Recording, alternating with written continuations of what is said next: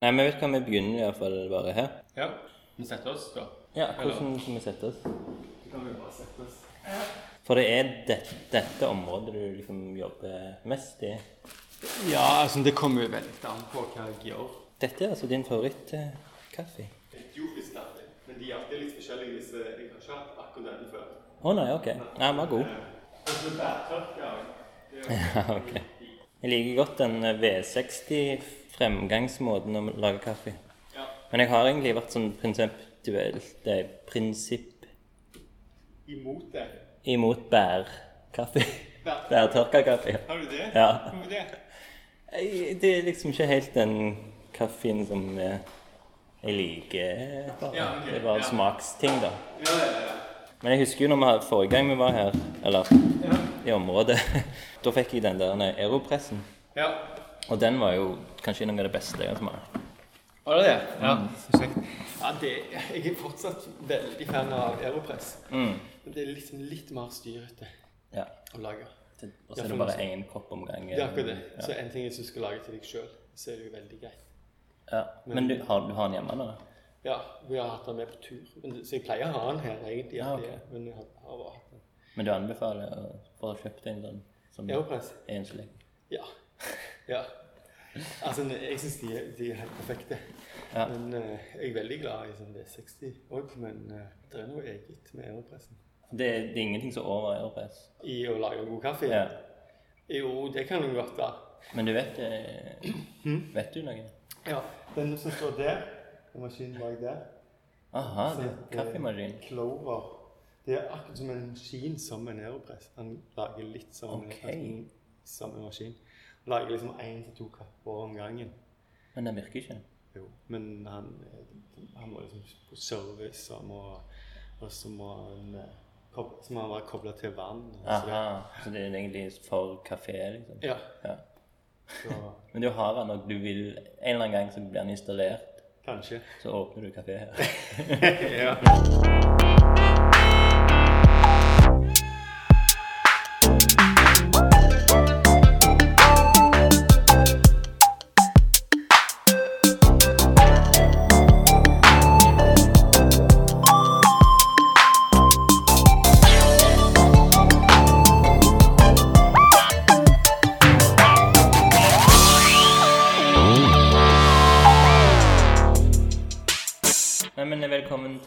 Lunken kaffe Eller velkommen tilbake til Lunken kaffe. Jo, takk. Eh, Nils Thomas Økeland. Sist gang vi var her, eh, så La skal vi skal gå rett inn på lunken gjensyn, tror jeg. Yes, ok. Jeg savner deg, jeg trenger deg, lunken gjensyn. Jeg fant ut at det var i 2017, Mm. og da viste du meg litt rundt i Sandnes. eh, eh, så kom vi inn i det forrige atelieret ditt. Mm. Jeg har flytta siden den gang. Ja. Det var ikke når jeg flytta, ikke sånn veldig lenge etter. Men eh, det er jo i samme bygget, da. Mm. Så det er jo fortsatt i eh, eh, si, sentrum av Sandnes. Ja. Eh, Kino, kino Ja. Rundt, hjørnet fra Kino Ja. I gamle brannstasjonen Mm. til Sandnes. Eller nå må jeg vel si den historiske brannstasjonen, fordi brannstasjonen har jo den nye òg har flytta siden den gang. Eh, men eh, da var jeg jo helt på toppen av bygget. Du delte med noen andre òg. Ja, det er jo flere andre kunstnere her. Dette er jo på en måte Sandnes sin svar på Atelierhuset på, Ja. På et vis. Men jeg følte selve området For du hadde jo et ganske stort område Ja. med, der du hadde dine verktøy og sånn. ja. Men at det òg var andre som var inni din Eller var det at du var, at det var et skille der? Det var egentlig et skille, men det var sånn litt åpen struktur Ja, uten okay. en dør, da, som jeg lukka altså, det, Jeg lukka ikke en dør inn til verksteddelen min Ja, sånn. den gangen. Okay. Men eh, Så det var liksom sånn Så gikk det på en måte litt sånn sømløst inn i et um, felles uh, område. Felles arbeidsområde. Sånn, ja. Men tror du du trengte mer plass òg? Ja, både treng, følte jeg trengte mer plass, hadde lyst på Mm. og så ble det på en måte en, en mulighet her. da. Eh, så jeg flytta ned Men måtte du kjempe men? Var det sånn Nei, det var, altså, av alle vi som har hatt atelier, som har atelier her, så var det bare naturlig at det var jeg som på en måte Det var ingen av de andre som hadde spesielt lyst Nei, på plassen. så bra. Så da ble det, når den ble på et eller annet vis ledig Jeg gikk liksom i kontakt med han som var her tidligere, altså kunsttekniker. I Atelier så er det veldig mye av offentlig kunst rundt omkring i regionen som har blitt skapt her. For han har vært eh, på en en av de mest brukte kunstteknikerne okay. for veldig mange kunstnere. Men så begynte han å legge egentlig ned driften sin sånn mer og mer. ok. Og da- Hva heter han? Egil Idse. Ok. Så da ble det på en måte åpent for meg. Eller så spurte jeg han om det var liksom hva I og med at han brukte det mindre og mindre. Ja, Så jeg snakket liksom med, med de om på en måte muligheten for meg å flytte ned her. og så- Hvem? Sand kommune, eller? Nei, altså med på en måte de andre også som har atelier her. Ja, fordi ok. I og med er det eid av Det er det er Sandnes Ja. kommune. Mm. Eh, og så har vi en form for felles kontrakt med Sandnes kommune Mm. eh, som, som eier og utleier. Så det er på mange måter sikkert eh, litt usikker på akkurat hvordan Tau er, er på en måte Eller hvordan dere har det på konsulatet, hvordan det er liksom organisert. Men jeg tipper det er ikke så langt ifra det. Ja, det er jo alltid jo eid av Stavanger kommune. Ja, og så er det, har han en leiekontrakt som i en fellesskapskontrakt, og så fordeler en det, da. Det som er. Mm. Ja, eller konsulatet er jo eid av Solan. Ok. Det er en fyr som har eier ganske mye bygg rundt omkring der i, i, med badedammen. Ok, ja. Uansett, Ja. så, så fikk jeg på en måte da muligheten til å komme ned her i da tidligere vognhallen. Det var her selve brannbilene sto. Aha. Så da fikk jeg jo betydelig mye mer plass.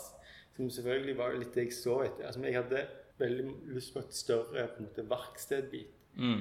Eh, Jeg hadde begynt å gjøre mer kunst til offentlige rom, der jeg trengte litt mer plass. Jeg hadde sånn, kanskje der plass til å både være litt mer sånn grapsete, søle og Ja. sånn der. Jeg gjorde for så vidt det i atelieret mitt der jeg var tidligere òg, men da prega det liksom alt arbeidet. Jeg jobber liksom ofte Mm. kanskje med forskjellige ting altså simultant. Og så og kanskje det å sitte og gjøre kontorarbeid, eller arbeid på datamaskinen, eller sitte og tegne, eller gjøre på en måte ting som skal være litt mer sånn pent og pyntelig, blir vanskelig å gjøre når det er masse støv og leire og Ja, rundt omkring. Så jeg ville, hadde veldig lyst til det.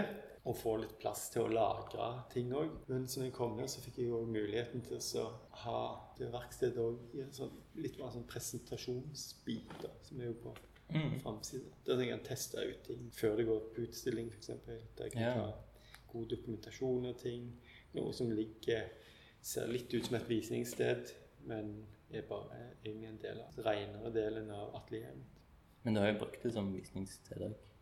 Ja, altså Det var liksom jeg så at jeg hadde den muligheten til det, så syns jeg det var veldig kjekt å måte kunne bruke atelieret mitt òg til å gjøre bare ting jeg liker. Altså Jeg har jo jobba med det å presentere andre kunstnere, kunstformidling av andre kunstnere og ting i ulike former, egentlig parallelt med hele praksisen min helt siden jeg egentlig flytta nesten siden jeg var ferdig med skolen eller universitetet. Eksempel var med i Tau kunsthall.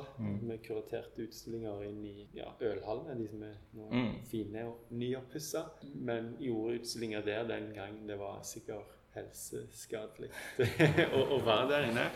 Ganske sånn ja, Hvor lenge varte det egentlig? Taukunsthall? Ja.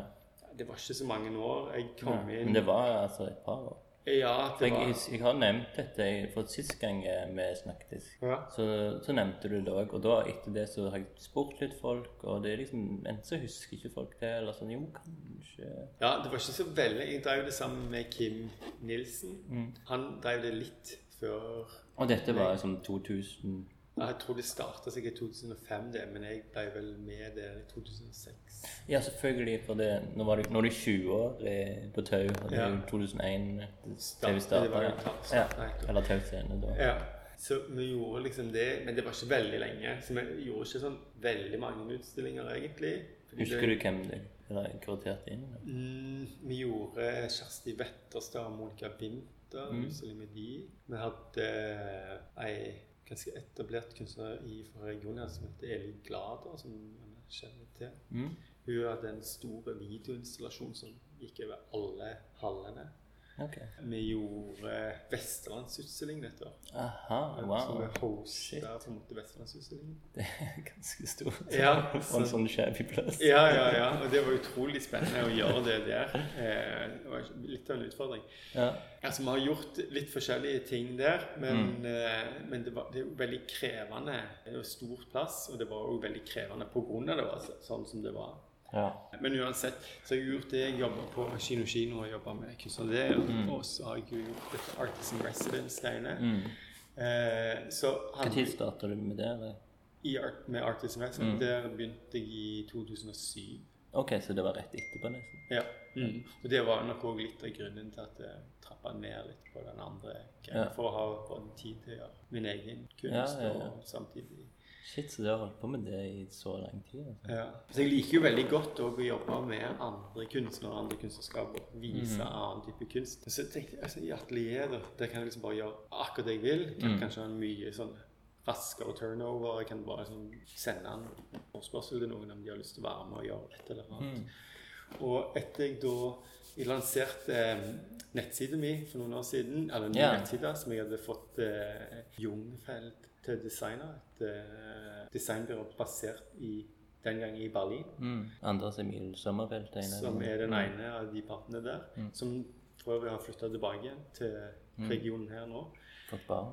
Fått barn og alt. Eh, den veien det går for, for de fleste. Ja. Eller for veldig mange, i alle fall. Ja, så hadde vi lyst til å gjøre en litt sånn greie. Jeg hadde, hadde ikke vært i atelier så veldig lenge. Det var relativt skal Jeg hadde vel bare vært der mindre enn et år sikkert i atelieret den gang. Kom du i 2018, eller var det slutten av 2017? Du kom her? Kanskje det var slutten av 2017. Eller Ok. Men uansett, eh, så gjorde vi da den lanseringen her. Inviterte på en måte til en eh, liten fest med koreansk eh, barbecue og presentasjon da, av nettsida og av det designbyrået. Mm. Eh, eller den designduoen. Og så så vi liksom mulighetene da, til at det, det er kjekt å gjøre noen ting her. Ja. Så siden så har jeg gjort noen ting. Eh, Det ble litt sånn hindra nå i det siste av korona. Men jeg hadde en liten sånn konsert, ikke en serie, men en, en event. forskjellige. Der f.eks. òg Håvard Sagen Mm. var med med en kunst- eller en videoinstallasjon som var sånn backdrop til, til konserten. Mm. var litt av det deler han hadde på Studio 17. Ja, Eller Det- videomateriale. ja, det var nok det. Ja, Mm. fra den turen han hadde Mm. med den båten til Mm.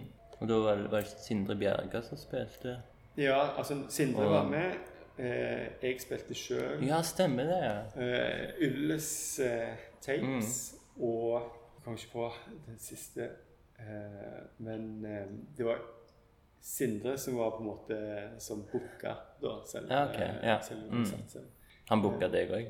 Ja, altså Mm. de eh, var vel han og U- han eh, Ulrik Ullesteip som på en måte satt sammen. Så så jeg de sendte ut Eller viste plakaten vi hadde laga til, så sto navnet mitt der òg. Så da måtte jeg jo bare være med. Så det var litt sånn Men jeg trengte for så vidt det lille pushet, da. De visste jo at jeg drev på og lagde litt musikk. Og det er jo Mm. noe jeg har gjort alltid, egentlig.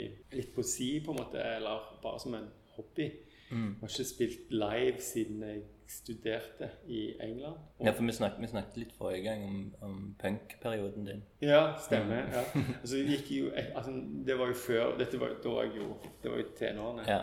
Men så når jeg studerte, så begynte jeg jo å gjøre mye mer elektronisk Mm. musikk. Eh, og det var det jeg spilte stort sett i når jeg hadde, gjorde ting. Ja, Så det var liksom mange år siden jeg hadde, Ja. hadde gjort noe sånn. Så, de, så det var jo egentlig greit å bare bli litt pressa til å faktisk Ja. eh, vise noe. Eller, Nei, Jeg husker, jeg husker det var veldig fint. ja, så det var... Men det er liksom, det var bare den, og så stoppet det igjen? Liksom, du har ikke lyst til Eller har du liksom ja, Kanskje jeg skal opp til flere ganger? eller? Ja, jeg har jo lyst til å gjøre det igjen. Ja. Så jeg tenker jo Jeg har snakket litt med Sindre igjen om å gjøre en ny uh, greie. Okay, Ok, ja.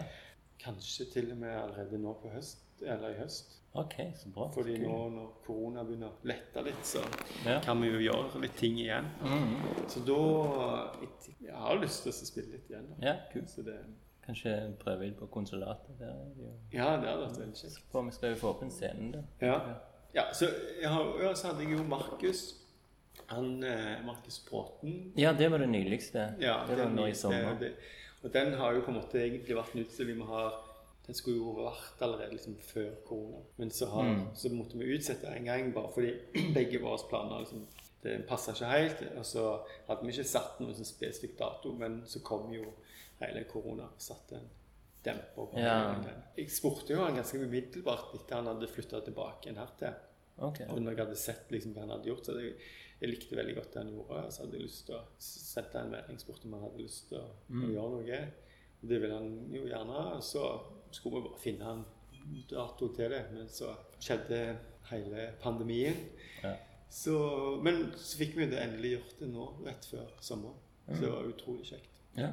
Og i hvert fall for, og å få gjort det før eh, han reiser videre. Mm. Nå reiser vi dit til New York for et års tid, så det Ja. Veldig glad for det. Så Ja. det ble Så kult. mm. Har du, tenkt, har du liksom mer eh, i bakhodet at det skal skje mer ting, eller du har tenkt på forskjellige folk, eller Ja, jeg har jo på en måte tenkt at jeg vil gjøre mer. mm. Men jeg har heller ikke noe sånn har ikke travelt med å gjøre det. Nei. Eh, jeg har ingen sånn ambisjon om at det skal bli et sånn Visningsrom. Nei. Nei. Det er på en måte et prosjekt som jeg gjør når jeg har tid og anledning og Ja. har, Energi.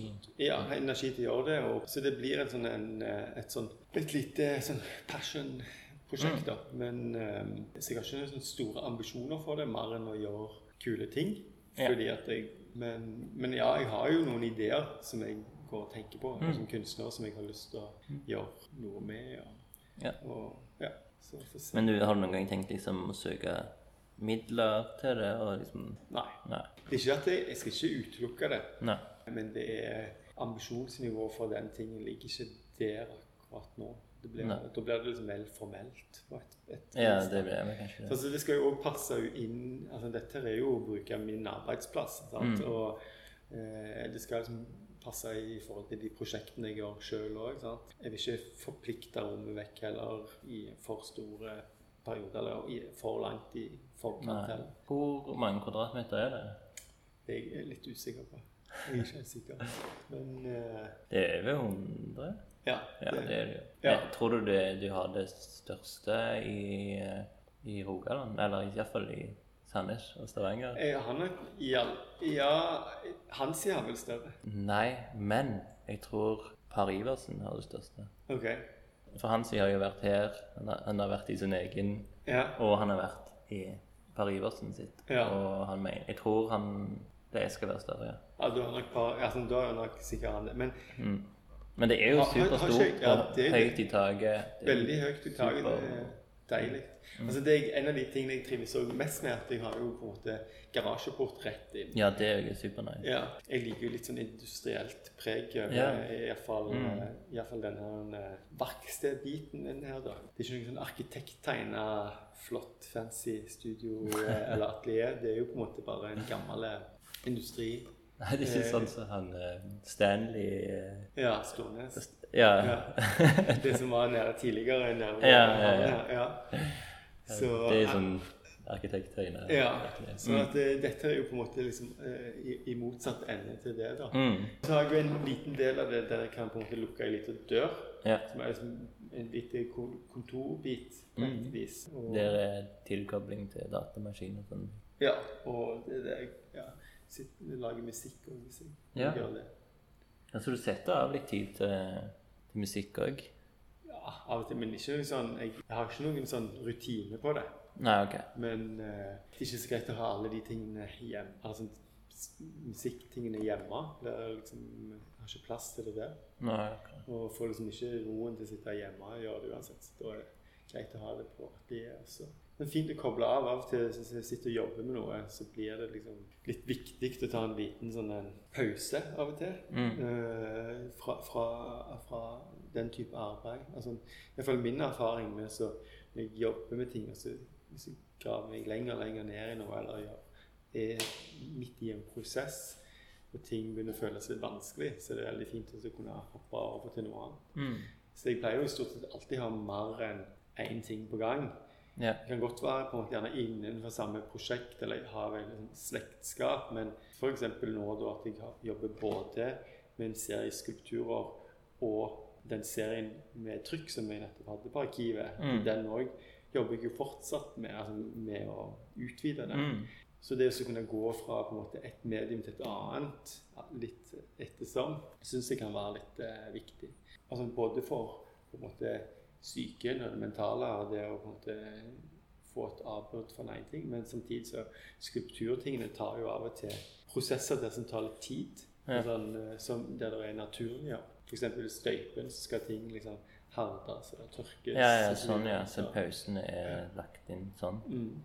Men jeg ser ikke noen sånn kalender der det står liksom ting som skal skje, eller et eller annet. Så er det som vi vanligvis ser i en sånn atelier. Setter du av liksom OK, den mandag, da må jeg gjøre det, tirsdag Har du liksom den eh, måten å jobbe Ja. på? Ja. Ja. Men eh, jeg har eh, en Kalenderen min henger ikke her. Jeg har med meg kalenderen alltid. Ja, ok. sånn, eh, Filofax? Jeg er litt filofax-person, Ja. på en måte, men, men jeg, jeg bruker ikke akkurat en filofax. Jeg bruker eh, enda mer sånn eh, low-key eh, Jeg tar bare går inn i mailprogrammet, og så går jeg på kalenderen, og så går jeg på print, og så printer jeg en. Ah. Så har jeg liksom en måned per A4-ark, da. Så lager jeg meg en egen sånn en uh, liten uh, Kall det en filofax. Jeg liker det formatet. Ja. en måned på hvert ark. Ja, ja, ja. Hver dag har en liten sånn rubrikk på fire ganger fire centimeter eller noe sånt. Mm. Og så kan jeg skrive inn i de, og så planlegger jeg alltid ut ifra det. Men er, Også, limer du de inn i en bok, eller har du de bare i Nei, jeg på en måte lager det til en liten bok, og Ja. så river jeg av et- alt dette sånn. Ah, ok. Sånn som Skal du si den? Ja, gjerne. Jeg kan ta altså, Nå beveger vi oss inn i det lille kontoret her bare for å høre forskjellen på lyden. Det her er det ikke noen biler i bakgrunnen og drypping. Her er det helt clean. Har Så sammen med laptopen så- Sammen med laptopen. Mm. Så har jeg den kanskje som er bare hele året. Ja. Som er bare sånn en generell planlegging. Og så har jeg disse her. Ah, Eh, august, september ja. Hva er det du har satt på i dag, da? I dag så faktisk har jeg ikke skrevet det inn, men uh, skal vi se Hvilken dato er det? Det I er dag er det den 13. august. 13. Ingenting. Snart Men, eh, helg. Snart helg. Ok, Eh, ja. men Så hver dag er det ikke noe, en men det, du kan kan altså legge inn, eller Jeg legger inn de tingene som er viktige for meg å huske. Om det kan være om det er søknadsfrister til forskjellige ting. Jeg er jo gjestelærer på kunstskolen av og til, så jeg må jo ha en de. Må jo på en måte Ja, ja, ja. planlegge hele året. det er masse møter du i hver forskjellige verv. Ja, så det blir jo på en måte avhengig av den der kalender, kalenderen, da. Så, men jeg, eh, jeg liker å ha det litt sånn hands on. Og så ellers så bruker jeg jo har jeg alltid en kissebok, med meg, så jeg Ja. liksom notater og andre ting. Og, Har du, har du ennå tre skissebøker Eh, ja, jeg har mange. Ja. samt, med deg samtidig? Eh, ja, jeg pleier alltid å ofte å ha mer enn ei kissebok. Ja, okay. Jeg har en som går for tekst ofte. Mm. En som går for sånn generell eh, inspirasjon, eller bare sånn generell. Og så har jeg gjerne en hvis det er noe som har blitt et spesifikt prosjekt. Ja, ok. Så, men det er ikke alltid jeg har med meg alle. Men eh, jeg, pleier, jeg har alltid mange flere skissebøker jeg jobber i. Den forrige gang vi snakket, i 2017, Ja. da nevnte du de tre skissebøkene, så jeg, eh, ble jeg inspirert av det og kjøpte eh, skissebøker, sånne Ja. tynne som du kan ta med deg. Ja. Skrev navn på hva den skal på det prosjektet, Ja. dette skal være sånn generelt. ja. Men jeg, jeg klarer ikke altså, å, å bruke dem. Nei? Jeg kan bruke dem når jeg setter meg ned. eh, hvis jeg, ok, Når jeg konsentrerer meg om å bruke Ja. skissebøkene. Liksom. Men eh, nei, jeg har ikke kommet helt innpå. Altså, vi har blitt liksom eh, terpa på den der skisseboka Mhm. siden vi gikk på Forus, liksom. Ja. At eh, vi fikk skissebok sånn startpakken, liksom. Fikk en skissebok, og så brukte jeg det jo mye der. Der var det liksom veldig på den. Ja. Jeg studerte, så brukte jeg det. Altså, det har bare blitt en sånn greie. For min del så er det veldig viktig del. Ja, ja. Sånn, eh, Nei, Det, det virker jo som en sånn Jeg har lyst, liksom. Ja. Men uh... Men så skal jeg òg si at det er ikke alltid jeg liker på en måte Det går litt i sånne faser at det, kan godt være i, i faser der, det tar, måte, der jeg bruker det mindre enn andre ganger. Mm. Eh, så det går liksom litt eh, Men jeg har, må alltid ha med Jeg føler meg helt eh, Men hva hvordan er formatet? Er det, Mm. hvordan er formatet? A5. Jeg, Det er A5, ja. ja, jeg må alt Altså, jeg det, eh, hvor mange sider cirka? Hvor mange sider? Den, altså, jeg liker den der som er som en liten eh, roman. eh, Tjukkelse. Mm. Sant? Eh, 100 sider? ja, sikkert noe som Ja. det. 100 sider. Eh, arket skal verken være for tjukt. Jeg vil ikke ha sånn skikkelig tjukt akvarellark eller noe sånt. Det skal være ganske sånn rene, sånn glatte. Men ikke tekst, det skal ikke bli, føles som tekstur. Men okay. det skal ikke føles helt som kopiark Mm, glatt. Mm, mm. Det skal okay. være litt sånn mellomting mellom der. Ja. Eh, det skal være A5 i portrettformat Mm. med helt vanlig hard perm. Og den skal være hard perm? Jeg liker best det. Okay. Men jeg har flere skissebøker som har sånn myke Mm. permer òg. Men eh, det er helt klart den som jeg liker aller best. For da, men da må du alltid ha med en liten eh, bag eller en eh, Ja, det har jeg stort sett alltid. ja. Ja. Er det, Liker du best de der så du henger sånn manneveske, eller har du liksom ryggsekk? Altså, Nå eh, går jeg veldig dypt inn i ja, det. nei, nei, men det, dette er, dette er Det er interessant at vi har kommet til her på denne samtalen. Fordi dette det, det er ikke tull. Dette er kjempedefinerende for meg på, på veldig mange måter. Aha. Og hvis jeg skal ta deg helt tilbake igjen til hvor dette her nok kommer fra, Ja, gjerne. så hadde jeg da jeg var liten, så lenge jeg kan huske, så har jeg alltid hatt med meg en form for på en måte bag oppover. Mm. Et av mine absolutt tidligste minner fra da jeg var liten, og var Kanskje jeg har vært fem år, sånn, noe sånt. Okay. Så hadde jeg noe som jeg kalte for oppfinnerveska mi. Aha. Som var på en måte veske, Jeg kalte det ikke veske, det var rumpetaske. Ok. Du kalte det rumpetaske Nei, det var rumpetaske. Ja. Sånn det, men det var liksom oppfinner-rumpetaske. på en måte. ja. Og den hadde jeg alltid masse ting i. Som Ja. jeg på en måte brukte. Jeg hadde gjerne et forstørrelsesglass. Hadde ting som jeg på en måte, Og den hadde jeg stort sett alltid med meg. Den hang liksom alltid på. Og så var jeg ute og gjorde ting, og så ja, brukte jeg den. Teip. Teip er liksom Elsker teip. Mm. Eh, Hva type teip? alt mulig. Jeg, nå på en måte har jeg jo brukt de òg litt sånn som en del av ting jeg har gjort med kunsten òg. Så jeg Mm. liker jo litt, at det er litt forskjellig teip, forskjellige farger. Men Ja. så jeg kan, jeg kan fortelle, Ja, det mer, er- jeg kan fortelle ja. mer om den etterpå. Men bak der så er det en sånn tralle. Ser du? Ja. Det er bare teip i den. Så det er sånn teip-samling. Ja. Ja, det er kanskje ikke det. ja. Men ja, ja, Ja. det er ducktape ser jeg i hvert fall. En rosa tape. Teip. Dobbeltsidig. Mye forskjellige typer maskeringsteip. Maskeringsteip, Maskeringstape. De er ofte veldig fine. De kommer i fine farger. Jeg liker, liker også eh, både Blodet er fine. Ja. Ja, for den, altså den, den skulpturen vi ser Hvor får du tak i alle disse fargene? Det er en turkis-tape. Grønn, rosa, lilla, gul, ja. grønn Mitt forhold til teip er Altså, jeg kjempe, jeg elsker teip. Ja, Men jeg har på en måte den der greia at jeg bare jeg, jeg, Men gjennomsiktig, det ser jeg ikke. Nei, ikke på den skulpturen. Men det ligger, no, Det ligger der en ja. Eh, jeg liker jo at det der er farger på teipen. Mm. Eh, og den skulpturen du ser på nå, det Mm. gjorde jeg jo som en del av eh, på atelieret med Nils Johansen. Aha, med Barnas Ja. by-prosjektet. Mm. Men eh, den er inspirert av at når jeg var liten, i denne perioden som vi snakker om, da, Mm. eh, når jeg hadde den her Gikk alltid med en Ja. form for væske. Mm. Så var det, lagde jeg sammen med noen venner en hytte ute i skogen. Så hadde vi ikke tau til å lage, så da teipa vi sammen eh, greiner og lagde liksom teiphytter. da. Ok. Så den eh, skulpturen da er da òg en, eh, en Kommer litt ifra den, altså inspirert av den. eh, hytta. Og, det, og da var det jo mye elektrikerteip det gikk i den gangen. Forskjellige farger. svarte? Nei. Ja, både svarte, røde og grønne. Mm. Og så den der grønn og gul, som er striper. Ja. Med jordring, vel. Ja, ja, ja. Men i hvert fall. Så den gangen var jeg nok mest glad i sånn elektrikertegn. Ja. Men de er gode, de. Ja. Men i alle fall, jeg hadde jo liksom det oppi den her lille Rumpetaska. Ja, rumpetaska. Og så begynte den å bli for liten, for jeg begynte å få mer ting. Så fikk jeg meg en jeg husker den første set musikken etter den var, med- Det var nok i samme alderen, liksom, fem-seks år siden. Mm. Fikk jeg en, hadde jeg en gule sekk, som var på en måte den funksjonen. Men det var ryggsekk. Det var en ryggsekk. Mm. Mm. Vi begynte å ja, få mer ting som måtte være med. Ja.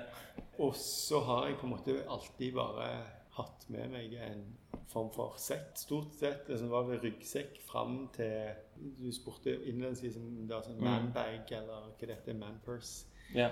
Og det brukte jeg jo i mange år siden. Mm. Fra liksom på 2000-tallet. Så i begynnelsen av 2000 så gikk Med sånn tøy, sånn litt løst, tynt tau, eller, tøy, ja, da- eller med, var det liksom stramt og plastikk?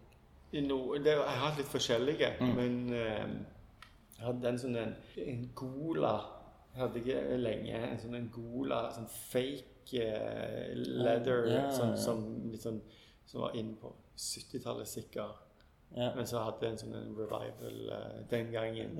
Men så har jeg gått uh, nylig over til ryggsekken. Og da det. Ja. Er det noe sånn skulder? Ja, jeg hadde, hadde, kjente litt på den der greia der. Men så er det òg det at eh, jeg hadde På et tidspunkt så hadde jeg en sånn en liten periode der jeg brukte bare litt sånn nett. Mm. Men eh, det, var, det er liksom greit når, du er barn, når det er sånne småting. Sånn som jeg kan nå. Jeg har en sånn en òg. Og den som kan også brukes som ryggsekk. ja, Det er min favoritt. ja, og sånn en bruker jeg òg mye. Spesielt hvis jeg på en måte vil være litt lett, på en måte. Mm. Eh, så jeg har en, en sånn en type Så nå veksler jeg mellom den type eh, og en type ryggsekk. da, Vanlig ryggsekk. Ja, for du har jo alltid laptopen med. Den blir vel litt Ja, jeg har ofte laptopen med. Ofte ja, alltid skissebok, litt sånn tegnesaker. Og så har jeg litt sånn ulikt, ulike ting. forstørrelsesglass. Teip på størrelsesglass. Saks, kanskje. Så. Har du sånn en skal Hva heter? Swiss Army knife? Nei, men det hadde jeg jo da jeg var liten. Det var jo på en måte Det var det viktigste. Det var jo eh, den lille Den første, første jeg fikk, fikk jeg av onkelen min. En sånn en liten rød Hva heter det på norsk? Overlevelses... eh, Ja, kanskje. Når jeg tenker overlevelseskniv, så tenker jeg mer på de der Rambo-knivene. De som hadde masse sånn kompass og sånne ting inni, inni skaftet. Ja. Men eh, nå kaller de det vel for multitool. ja, det kan være. Swiss Army Life. Det, er det. Ja, det er det. ja.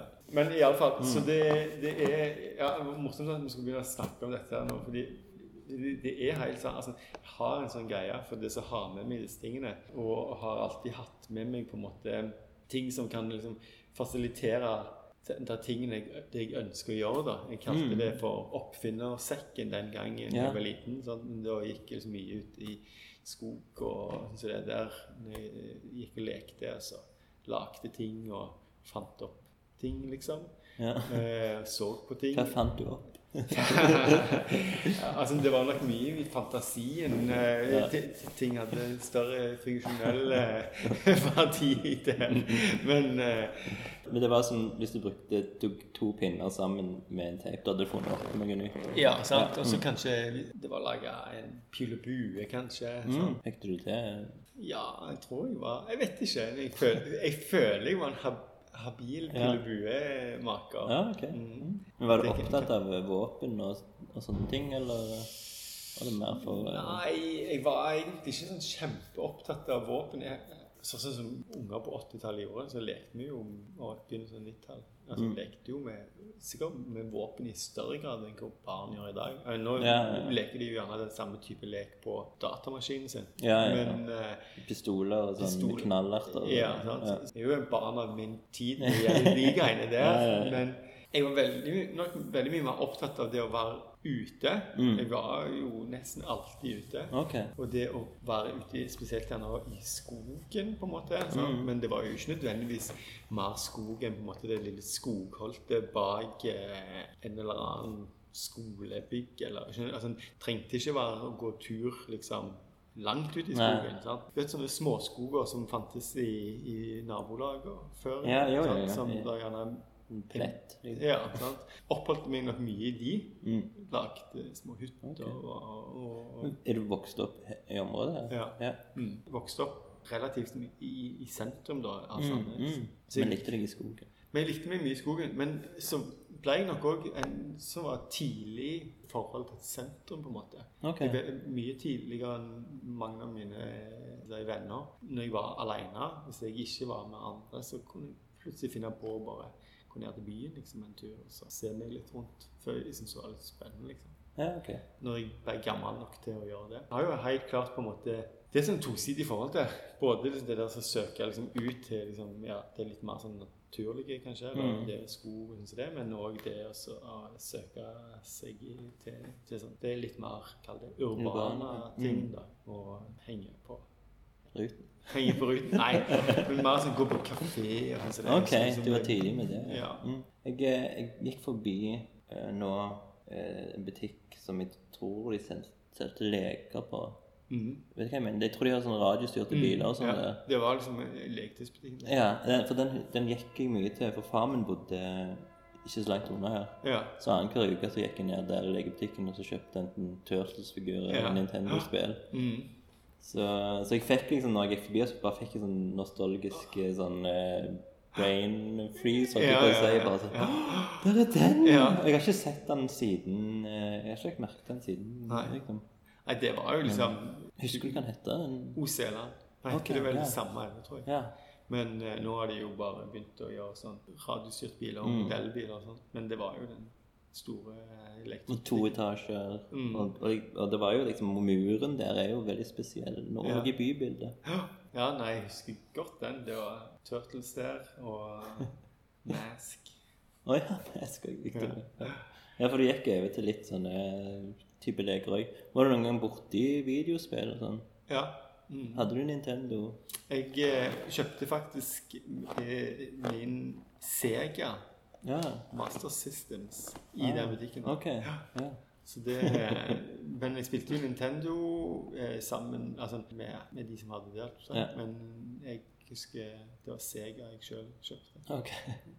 Sonic the Hedgehog. Mm. Det var et av de første spillene. Alex Kidd Alex Kidd, du fikk den med i den, fikk, ja, den ene var jo på maskinen. Ja, stemmer. Sånn at hvis du ikke satte ned i noen ting, så var den automatisk på. Ja, jeg hadde den. Jeg likte veldig godt Alex Kidd. Ja, jeg, Du var i skogen, men du var òg kunne òg liksom trekke deg inn og spille.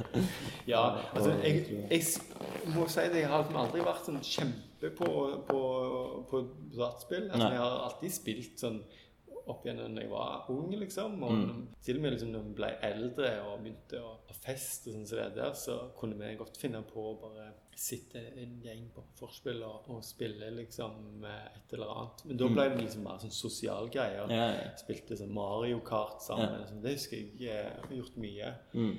Men jeg har aldri vært en sånn en Jeg har aldri vært en sånn gamerfyr, liksom. Det har aldri sånn. vært veldig Jeg har spilt veldig lite når jeg har vært aleine.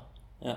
Altså, det har stort sett vært hvis jeg har vært sammen med noen. Men jeg spilte litt òg den der Segaen da jeg var liten. Men, Mm. men det var ofte i, sammen, med, sammen med andre. Ok. Jeg, leste det intervjuet hadde på KAS Mm. med hun Astrid Vinningstad, Ja. og lærte noe nytt om deg. ja. Hva da? At du egentlig vurderte å bli designer. Mm. Så var det at du snakket med sønnen til Susanne Christensen. Mm. Da Ja. du fant ut om at du skulle bli kunstner. Mm. Kan du fortelle litt mer?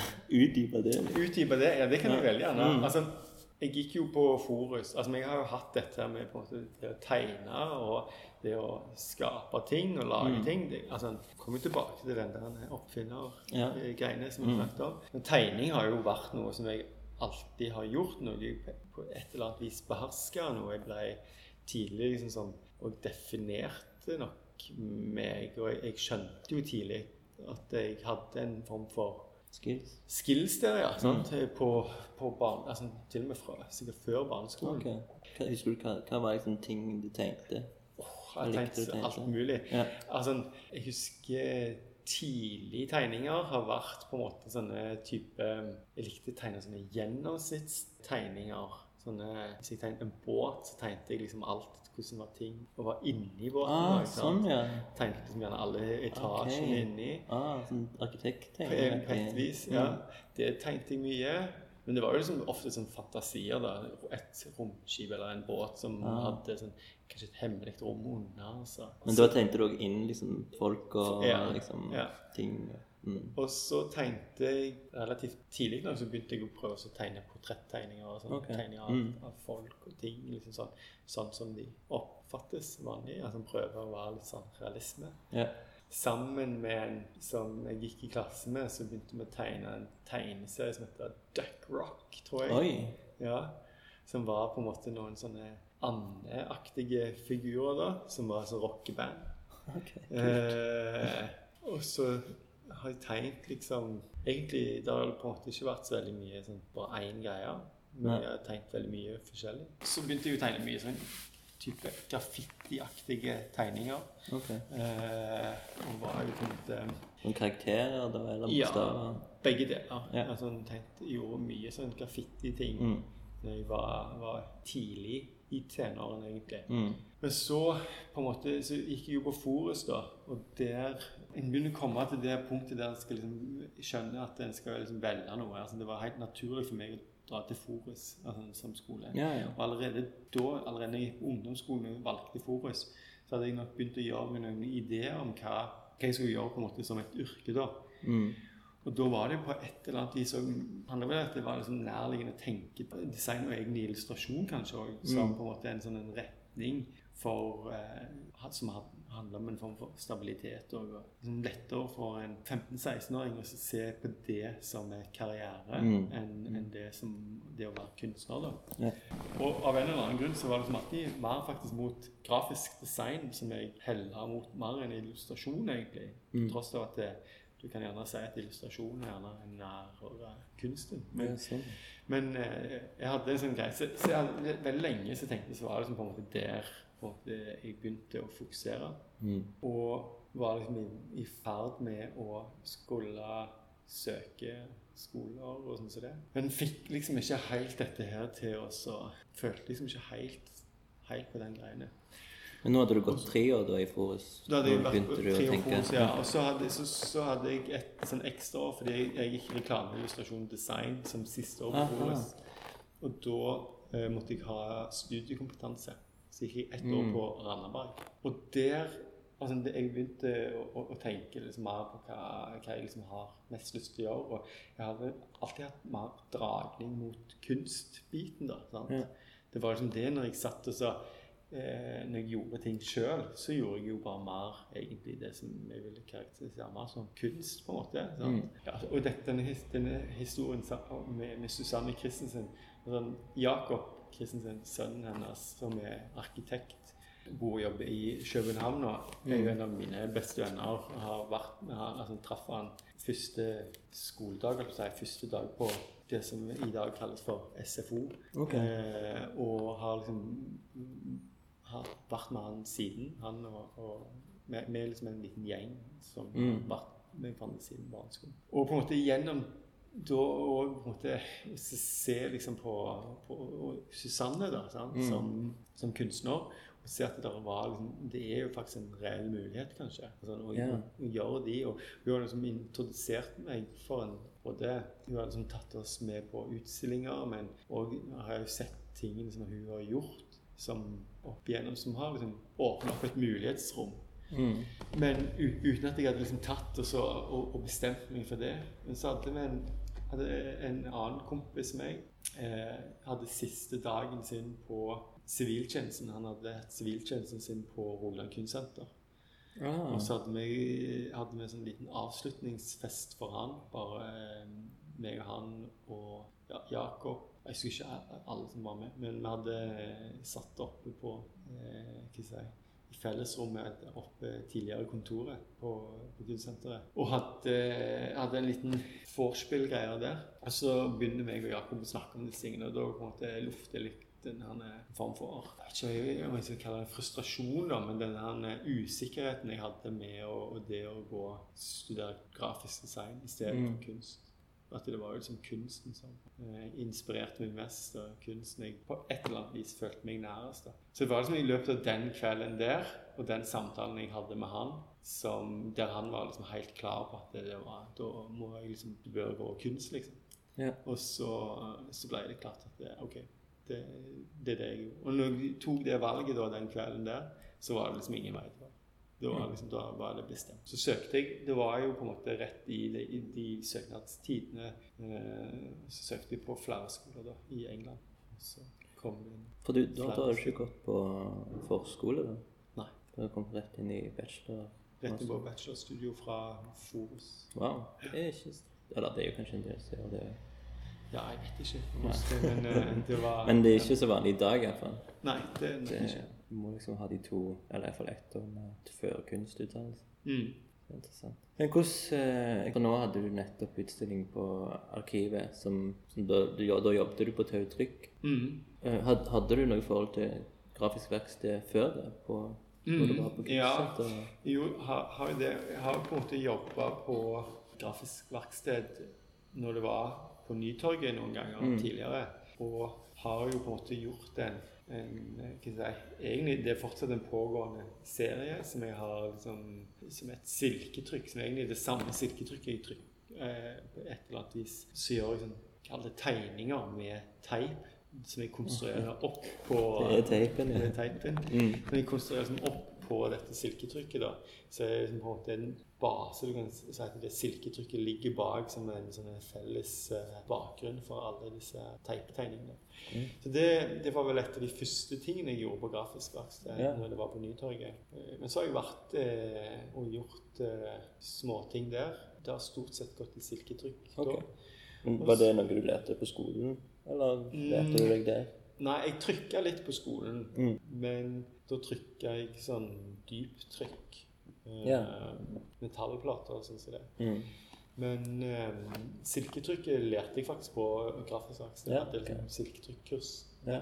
Ja, så hadde jeg på en måte denne serien, altså så begynte jeg å gjøre en serie som jeg trykka på atelieret. som er egentlig en serie med eh, lasergraverte tresnitt. Men de trykka jeg her bare på atelieret. Okay. Fordi da trykka jeg med asfalt og eh, ilmenitt. Den eh, bergarten vet du, som er nede fra Sokndal. Sokndal Ja. Så- Titalia. så- Mm. Ja, så det er jo trykka med ilmenitt eh, Ja. Du peker på et, eh, en, eh, et trykk. Ja. Jeg skal prøve å forklare det. Det, det trykka da på, ei, på et stor eh, lakkert eh, metallplate, som er egentlig et lite trykk som er repetert over hele flaten. Mm. Som også, Det var et eh, linosnitt, egentlig, det som er der. Men jeg begynte å gjøre noen lasergraverte trykk med som jeg trykker med bitumen, som er jo eh, bindemiddel i asfalt. Yeah. Som farga veldig lett. Sånn at jeg trengte ikke noe trykkepresser til det. Yeah. Eh, og så setter jeg det inn med ilmenitten, som gjør at det blir på en måte en asfalt. da. Så har jeg på en måte har jeg Lise og Solveig på, på Tautrykk. Har jo sett disse tingene mine. Mm. Og har jo vært liksom i kontakt med de som har hatt noen av trykkene mine i kommisjonssalget der ute. Mm. Og så inviterte de meg da til så komme inn på dette gjestekunstneroppholdet. Arkivet? På, ja, Nei. på tautrykk, da. Ja, ja, ja, I ja, sånn, ja. Mm. selve på en måte arbeidsperioden. da. Eh, eh, som skulle da kulminere i en utstilling på arkivet. Så det var Ja, liksom så det er sånn de gjør det? De, de, det er på en måte nesten en slags residency? Ja, jeg vil si det er en residency. Ja. De Mm. bruker gjerne ikke de ordene, men det, Nei, men det er Arbeidsopphold, brukte de. det, Ja, og det er jo Norske ordet. det norske ordet for residency.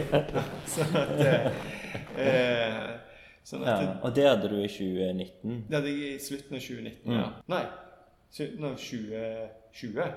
Ja, i 2020, ja. Ja. Slutten av 2020, eh, og så litt inn i 2021.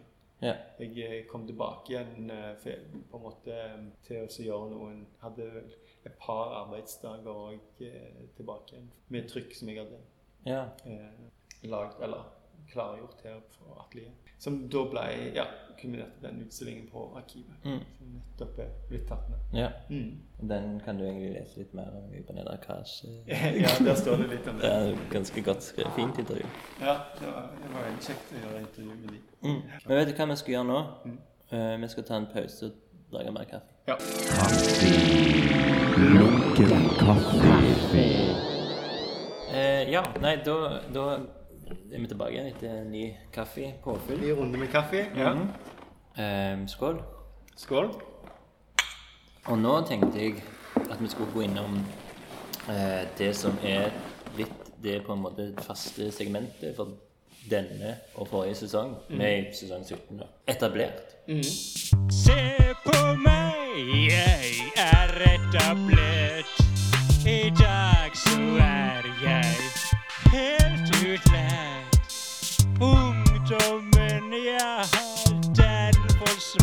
Jeg er en mann.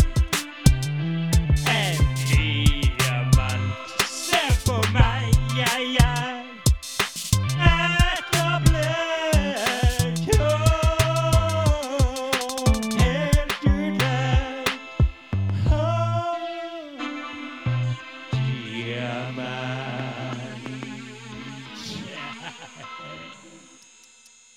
Og det som er litt greia med eller Den hadde egentlig tatt sin egen form, nå, for nå har jeg snakket med sånn syv-åtte stykk. Og så har jeg liksom først Eller grunnen til at jeg begynte med dette segmentet, var at jeg syntes det var morsomt med Kulturrådet, som har denne etab nyetablert stipendet. Og, og da er det liksom Du kan ikke søke du er eh, over 35, da. Ja. Så da er du på en måte tenkte jeg sånn ah, Du er kanskje naturlig blitt etablert. 35. u- Og da tenkte jeg uansett liksom du har, tar liksom utdannelsen i høy alder Ja. Ja, jeg har på en måte ikke helt fått prøvd engang skikkelig om det er liksom nyetablert. Bare gått rett over til etablert. ja. Så jeg syns det er litt morsomt. Men så, og da har jeg bare begynt å spørre kunstnere, da. For det er jo hva er, Hvordan måler du det å bli en etablert kunstner, egentlig? Jeg, vet ikke, jeg, eh, jeg vet faktisk ikke helt. Altså, jeg jeg syns det er en vanskelig definisjon eh, sjøl. Altså, når du inviterte meg til denne her greia eh, For andre gang. ja, Ja. så, og da, nevnte du dette med etablert. Så jeg tenker litt. Altså, ja, det med etablert er tingen. Og så Det er jo liksom at en, en, en føler seg vel aldri På samme måte som en, en er gjerne eldre enn en alltid kanskje føler seg. Eller, eh, så jeg har alltid tenkt på meg sjøl som relativt liksom en av de ja, uetablerte kunstnerne. Men jeg tror det er veldig mange andre rundt her som virkelig absolutt ikke oppfatter meg som det. Altså, jeg er liksom ikke noen noe sånn up and coming. Sant? Ung og lovende. Sant? Altså, men, eh, men så har det på en måte gjerne satt seg et bilde da, av noe sant? Mm. For, for, for, som går tilbake i tid. Altså, jeg føler jo ikke det er lenge siden jeg gjorde disse tingene. F.eks. vi snakket om innledningsvis med tau, kunsthall. Mm. Men da, da var jeg jo nettopp kommet tilbake. Sant? Ja. Eh, Og, da, da, og da, allerede da så var det jo For når, når du får denne her eh, utdannelsen, Mm. da er du jo Da melder du, du med i NDK, BKFR og sånne ting. Mm. Så da er, du, da er du allerede liksom i den der nyetablert ja. stasjonen. Da. Ja. Da, men, men nå er jo det blitt en del år siden. Det er det, sant? Men, men jeg føler ikke det er så store forskjeller siden den gangen på mange måter. Sant? Men selvfølgelig, når jeg tenker tilbake på det, altså, hvordan jeg altså, det, Den type eh, arbeidssituasjon jeg har nå, er jo noe helt annet sant? enn enn det det var helt tidlig. Hva, hadde du et atelier før her? Jeg har alltid hatt et, et atelier siden jeg flytt, altså siden jeg var ferdig med studiene. Først så bodde jeg òg et år i Oxford etter, okay. eh, før jeg flytta tilbake til Norge. Sammen med ja, samboeren. Fortsatt samboeren min. Vi bodde i en eh, liten eh, en, Kan vel kalle det en leilighet, men det var ikke større, knapt større enn en hybel. Men der hadde jeg et lite rom som var på en måte atelieret mitt der. Og så, når jeg kom tilbake, eller når jeg fortsatt bodde i England, så søkte jeg jo på den Artisan Residence som jeg nå Aha. driver for kommunen. kommunen. Og da var jeg først i et opphold der. Så jeg kom liksom Men var det samme plass som her nå? mm. Ok. Så det er der, så, i, det, i det rommet. Og da hadde, mm. da hadde residencen ganske nylig flytta hertil, altså til disse lokalene i gamle brannstasjonen. Ja. Og da var jeg der over sommeren, og da var, jeg, da var vi ikke sikre på om vi skulle flytte tilbake til Norge i det hele tatt. Nei. Da brukte jeg sommeren min her eh, og, og gjorde et arbeid i den residencen. Hva var det du lagde, du? Da lagde jeg egentlig Det var på en måte en sånn liten undersøkelse av eh, mitt forhold til Sandnes, eller hvordan jeg okay. oppfatta Sandnes. Ja. Eh, så jeg gjorde Jeg hadde fått tak i en sånn Sandnes-sykkel. Jeg vet ikke om du husker de? Men Sandnes var ganske tidlig eh, med sånne eh, bysykler. Ok. Og så lagde de på et tidspunkt så hadde de en ganske spesiell form, sånn at han ikke skulle bli liksom stjålen og, og liksom eh, s- s- bare omlakkert og solgt videre. Okay. Så de hadde en som hadde en litt sånn annerledes form. Så jeg fikk tak i en sånn en som eh, For kommunen hadde bestemt seg egentlig for å kaste de. Altså de skulle Aha. avs avslutte de. Huh. Hva år var dette? Dette var i 2006. Ok. Ja, okay. Så det var 2006 du kom tilbake, på en måte? Ja. Ja. Og så skrudde jeg den fra hverandre, og så lakkerte jeg alt i en og samme farge. Og så la jeg den ut, på en måte presenterte den litt sånn som kanskje en ville presentere Sånn, sånn, sånn eh, modellbyggeleke. Mm, liksom. mm. Sånn at det henger sammen med sånn Ja, de, de som pleier å henge på en måte i en sånn ramme, Ja, plastikkgreier. plastikk, Sånn. mm.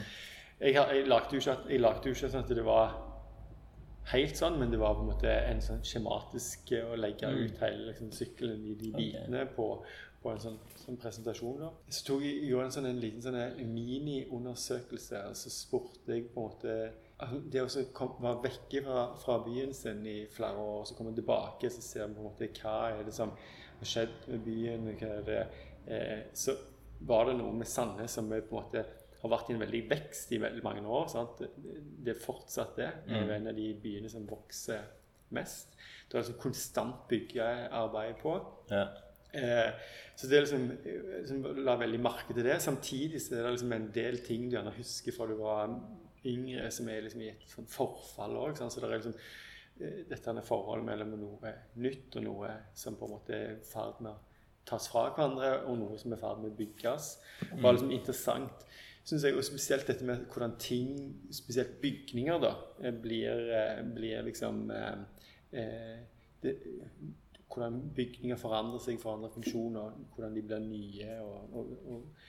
Så jeg gjorde en sånn mini-undersøkelse av eh, der jeg bare snakket med venner og kjente. Eh, hva er det på en måte som er eh, Hvis de skulle si liksom, en bygning som på en måte definerer Sandnes, altså, som, som de føler er viktig liksom, i, i Sandnes, hva er på en måte den hva er, bygg, hva er byggverk i Sandnes som er, er er Sandnes på en måte for de da. Og da eh, var det liksom noen som gikk igjen og igjen og igjen når jeg snakket med folk. Ok. Eh, og det var altså eh, gamle kinoen i Sandnes, Ja. som senere ble kino-kino, Ja. Som er rett her. som er rett rundt hjørnet her, som jeg jo òg ble involvert i. Eh, og så var det eh, Ruten, og Ja. bygge, by, som på Mm. Ruten. Eh, og så var det det som er Kulturhuset. Eh, Hvor det ligger? Det ligger nede ved, på en måte, i Vågen, så er nede av havna. Å ja, der ja. Det er Ja. som bibliotek. Det som er biblioteket, ja. Mm. Eh, og, det var, og det var jo en gammel eh, fabrikklokale, så det har jo liksom en del av Ja. den historien òg. Og har jo vært veldig sånn definerende. Og så var det kvadrat. Det var liksom de, eh, Ah, de tingene som folk Er ikke det mer lure, da? Eller, men det er jo Jo, ja, men det er jo det er ja, ja. en del av Sandnes. Så gikk jeg rundt på forskjellige bygge- og rivningsplasser i byen Mm. og samla materialer. Okay. Og av de materialene så lagde jeg sånn arkitektoniske skalamodeller av de byggverkene. I en og samme skala, på en måte. Sånn at da lag, bygde jeg opp på en måte gamle kinoen og bygde kulturhuset i, på en måte sånn at de hadde samme skala sammen med da, den Rutenbygget og Kvadratet. Så det var en del av installasjonen. Og så hadde jeg eh, ja, så lagde jeg en sånn stack med Sånn som når du går rundt For jeg begynte jo å gå rundt veldig mange på disse bygg- bygge- og rivningsplassene. Mm. Så la jeg merke til disse her, De kommer på sånn to paller, så ligger det liksom en stack med, med byggeplater. Sant? Mm. Så har de disse båndene rundt som Ja. holder de. Sant? Så tok jeg en Så tenkte jeg, så lagde jeg en sånn en, da. Med, i, i Fener, men der jeg skar ut liksom eh, Gansfjorden i, i det, i, sånn at de som ble sånne kvotelinjene, Ah. akkurat som i sånne arkitektmodeller. vet du. Ja, ja, ja. Sånn at det, da fikk du liksom Den ene skulpturen var på en måte egentlig bare hele, hele Gansfjorden fra det som er Sandnes, da, det grenser til Sandnes, Ja. og så innover.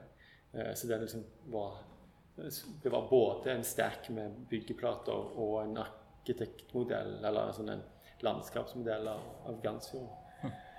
Og så hadde jeg fire malerier. OK, wow. Som- Massiv utstilling. Ja, det var, det var ganske stor. De, og maleriene var liksom òg all, all, Alt var på en måte relativt sånn Linke opp den klassiske type arkitekt eh, modeller eller eh, Så det handla jo mye om dette med å bygge noe, da. Mm. Det, og hvilken fase du er i.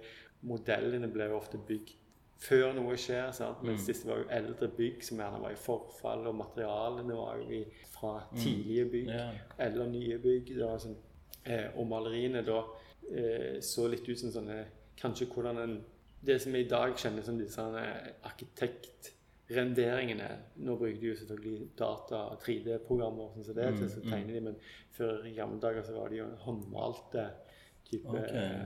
Malerier da, som på en måte la seg litt opp til den type ja. estetikk. Eh, ja, som òg var av, av Sandnes. Av byen. Mm.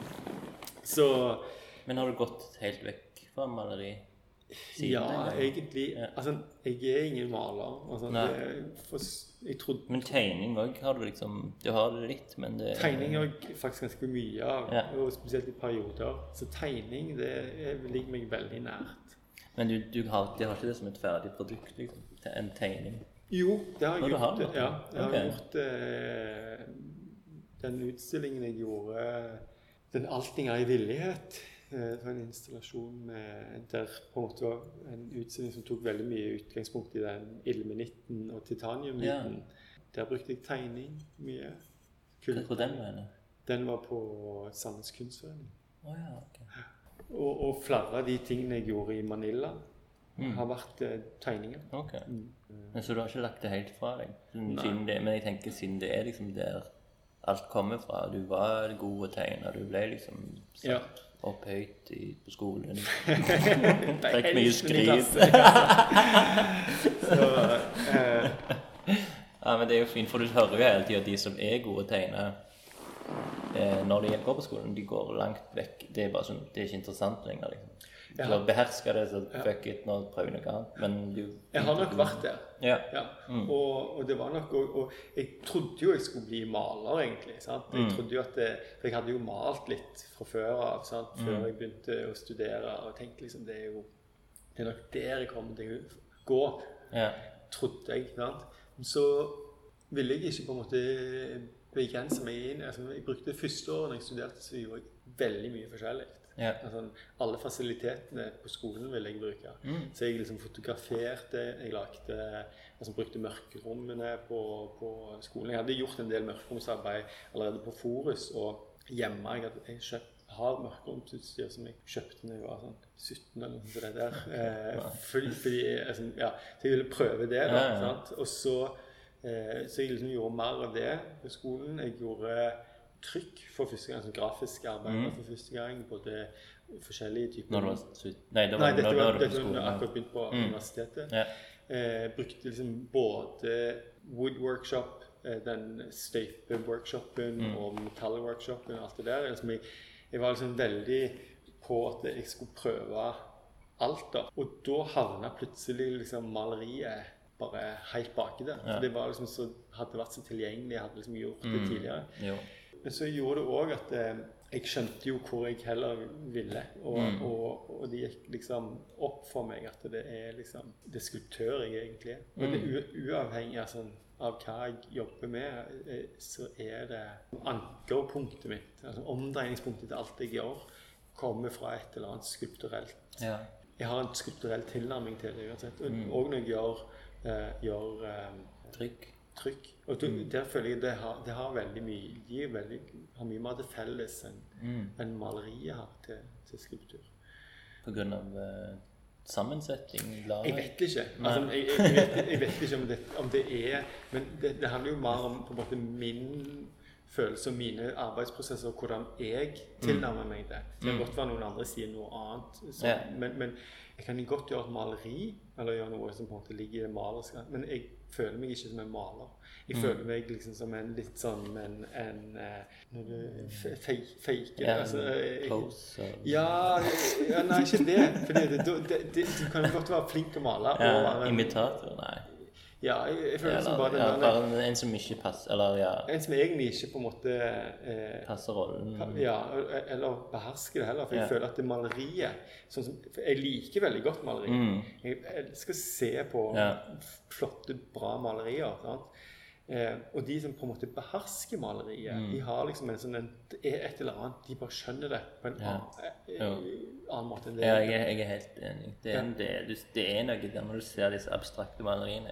Ja. Klarer absolutt ingen Jeg fatter ikke hvordan de gjør det. Nei, Forstår ikke hvordan de tenker, men det ser bra ut. Og Ja. jeg vet ikke aldri om de klarer det. det er akkurat det. Og, og, og, derfor føler jeg som en eh, Ja, imposter, hva heter det? Ja, ja, ja. eh, hvis jeg skulle på en måte være det, hvis jeg Mm. skulle kalle meg det, eller på en måte Så jeg kan godt gjøre noe som er, har noe til felles med maleriet. Men hvis jeg maler eller gjør noe sånt så er det for min del mer nærliggende å tenke på det som en skulptur. og Kanskje at jeg maler da på ja, Det er dette arbeidet som vi, vi henviser til tidligere Ja. på den, på den metallbladet. ja. Så det er rustfritt stål som er lakkert med billakk i på en måte en farge som refererer sånn som er samme fargen som en sånn Dodge Challenger.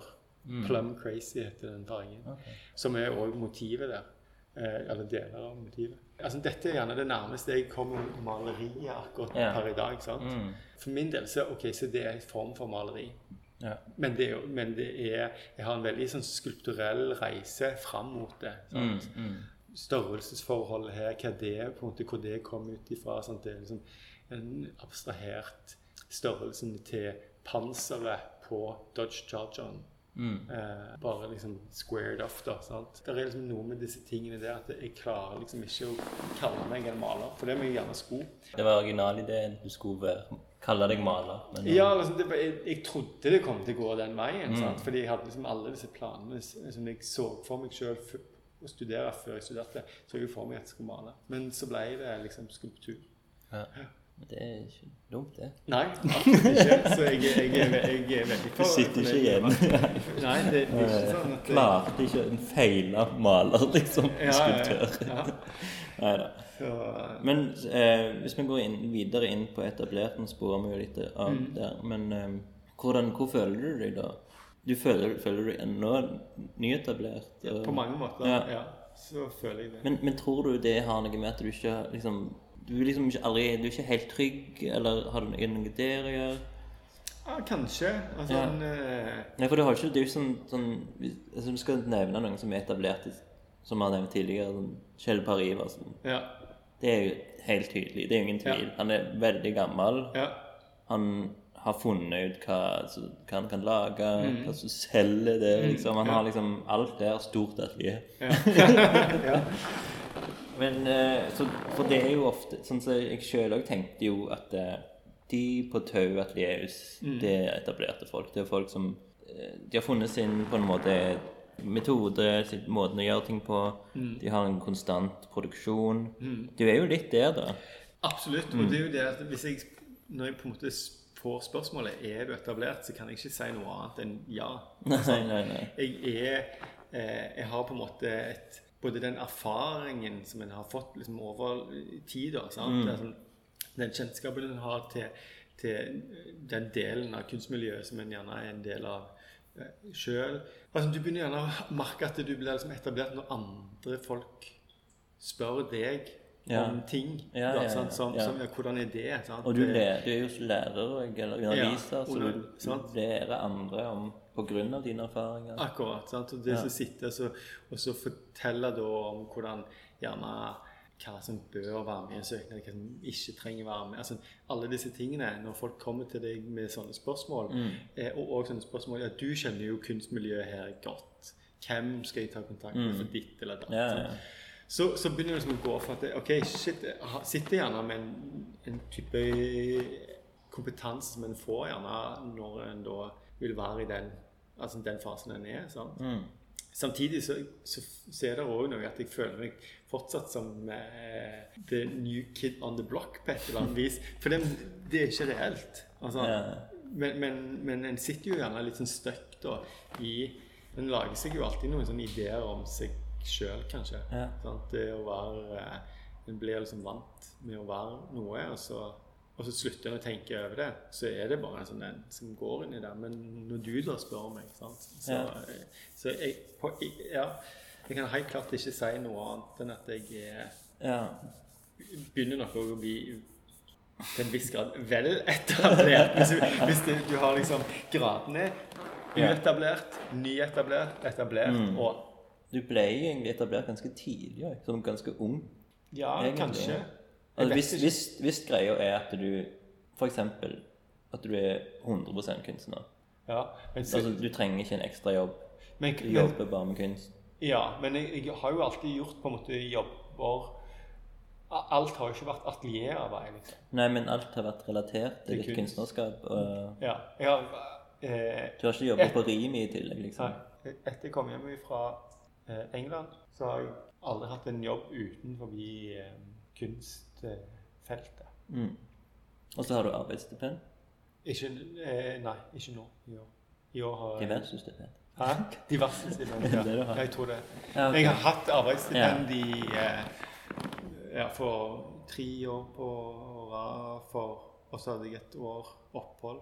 Ok. Så det går jo litt i rykk og napp. Så det blir liksom ett år er du plutselig uetablert.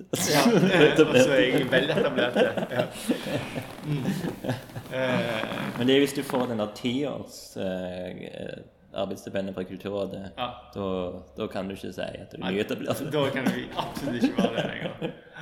Men hvis du må fortsatt kjempe for liksom Ja, ja, er da, da er du gjerne Det er, jo, det er jo liksom det at du Derfor er det sikkert sånn- det er så vanskelig å kalle seg etablert som kunstner, fordi at du alltid kjemper. Du skal, du, du er liksom Du, du sitter aldri trygt Nei. hvis ikke du selv bare gir oss. Ja, ja, ja. Det, og det er akkurat det. Og så tror jeg òg jeg tror, det, jeg tror ikke at jeg er i eh, en sånn særstilling nå. Jeg, jeg har en sånn følelse av å ikke være etablert, Nei. men, men egentlig være det. sant? Ja, Men, ja. men det handler både det, det med kjempe, men det at det, kunstnere er jo ofte i en eller annen form for sånn konstant reise. Altså, Mm. Det er ikke alle som finner sitt uttrykk på den samme måten som f.eks. Pari Iversen. Mm. Eller det er en hel del kunstnere som på en måte eh, som, som gjerne jobber med på en måte det som egentlig er ett prosjekt hele veien. Ja, ja, sånn som sånn, ja. eh, eh, ok, Ta, ta Grota, som har gjort mange forskjellige typer ting, men han har fått Alt dreier seg rundt den streken. sant? Eh, og, og, og på en måte alt peiler seg inn der. Det er noen som er, eh, er veldig Når de jobber med f.eks. med maleri, så er de veldig eh, klare over hvilke, hvor rammene deres er henne innenfor maleriet. Mm, mm. Men så har du da eh, sånn som Natasha, som Mm. jobber stort sett alltid innenfor maleriet, men hele veien pusher de forskjellige retninger. Mm. sant? Jeg er jo det at jeg kan ikke si at jeg har på en måte verken én stil eller en greie. Jeg har Mm. gjerne et Jeg vil heller si at jeg har kanskje et blikk som er mitt, på en måte. Ja. En eller annen form for en metode for å tilnærme meg noe. Men tingene sånn utseendemessig så kan de komme ganske sånn forskjellige ut. Og, og, eh, og materialmessig så kan de komme liksom, Produksjonen kan komme ut i forskjellige måter. Mm. Så, og det gjør jo at en på et eller annet vis føler seg kanskje som en nybegynner. Eller en tar Mm. i nye ting da, i ja. kunstpraksisen sin. Eh, Når man nye materialer, nye materialer, nye nye teknikker. metoder. Ja. Mm, teknikker. Og, og det er liksom eh, Og for meg så er det helt utenkelig å gjøre noe, noe annet enn det. Enn Mm. å jobbe det. Jeg, det er helt utenkelig for meg å jobbe med skulptur bare på én måte.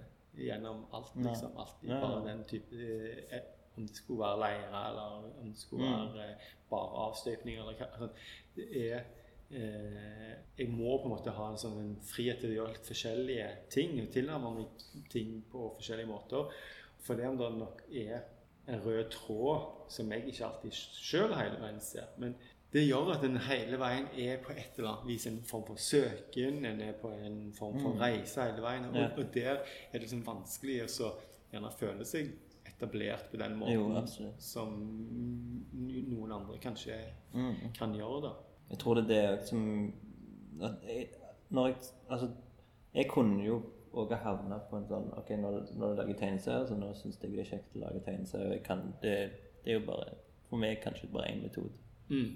Men eh, av å, å være med kunstnere eh, sånn som deg, og, og, og se hvordan, hvordan dere tilnærmer dere prosesser og sånn, det gjør jo at jeg òg vil utvikle og gjøre, Mm. gå heller mer inn i materialet, trykket, Ja. Og tenke mer på det. Og det, det er jo det som gjør livet interessant. Det er det jeg også tenker. Altså, jeg prøvde å forklare dette tidligere. Hvordan eh, altså det, det med å ha en form for eklektisk tilnærming, da, eller det, det, et u, ikke på en måte være i ett uttrykk. Og beste måten jeg klarer å forklare det på, er at eh, jeg syns jo på en måte kunsten, da, sant? og kunst eh, ikke bare kunstverden, men, men kunsten i seg sjøl, er liksom som verdens kuleste lekeplass. sant? Eh, og som å være på en måte et barn i verdens kuleste lekeplass, så er det helt absurd å sitte på den samme på en måte disse hele veien. sant? Når du har alle disse kule tingene Ja, ja, ja. som eksisterer. der, sant? Ja, ja, ja. Og, og jeg klarer ikke å sitte der Jeg har liksom ikke ro nok til å sitte Mm. der og ikke plutselig se over på den kule vippeleketøyet Ja, ja, ja. og, vil springe over der etter hvert. sant? Så, så, men all ære til de som, som klarer å finne en sånn ro. Ja. Og, og det er noe Jeg har en fascinasjon for det. Mm. De som på en måte sitter og gjør liksom på et eller annet vis ja, for de spisser jo de spisser, det er akkurat Ja. det, sånn, de, de bare liksom har sånn et, et, et fokus fra en helt annen verden til, Mm. til å gjøre noe å undersøke liksom én ting til, Mm. til, til å bare bli så spissa på det at det er ok, Se på, på Rotko, liksom. sant? Jeg er ikke usikker på hvem det er, men vi må Ja. up uansett. Ok, yes. Men uh, da Ja. Så det blir iallfall absurd for min del. Uh, Mm. Og da, da jeg, jeg klarer ikke å bare være på ett sted. Ja. Tusen takk, Nils Thomas. Takk i like måte. Så eh, til neste gang.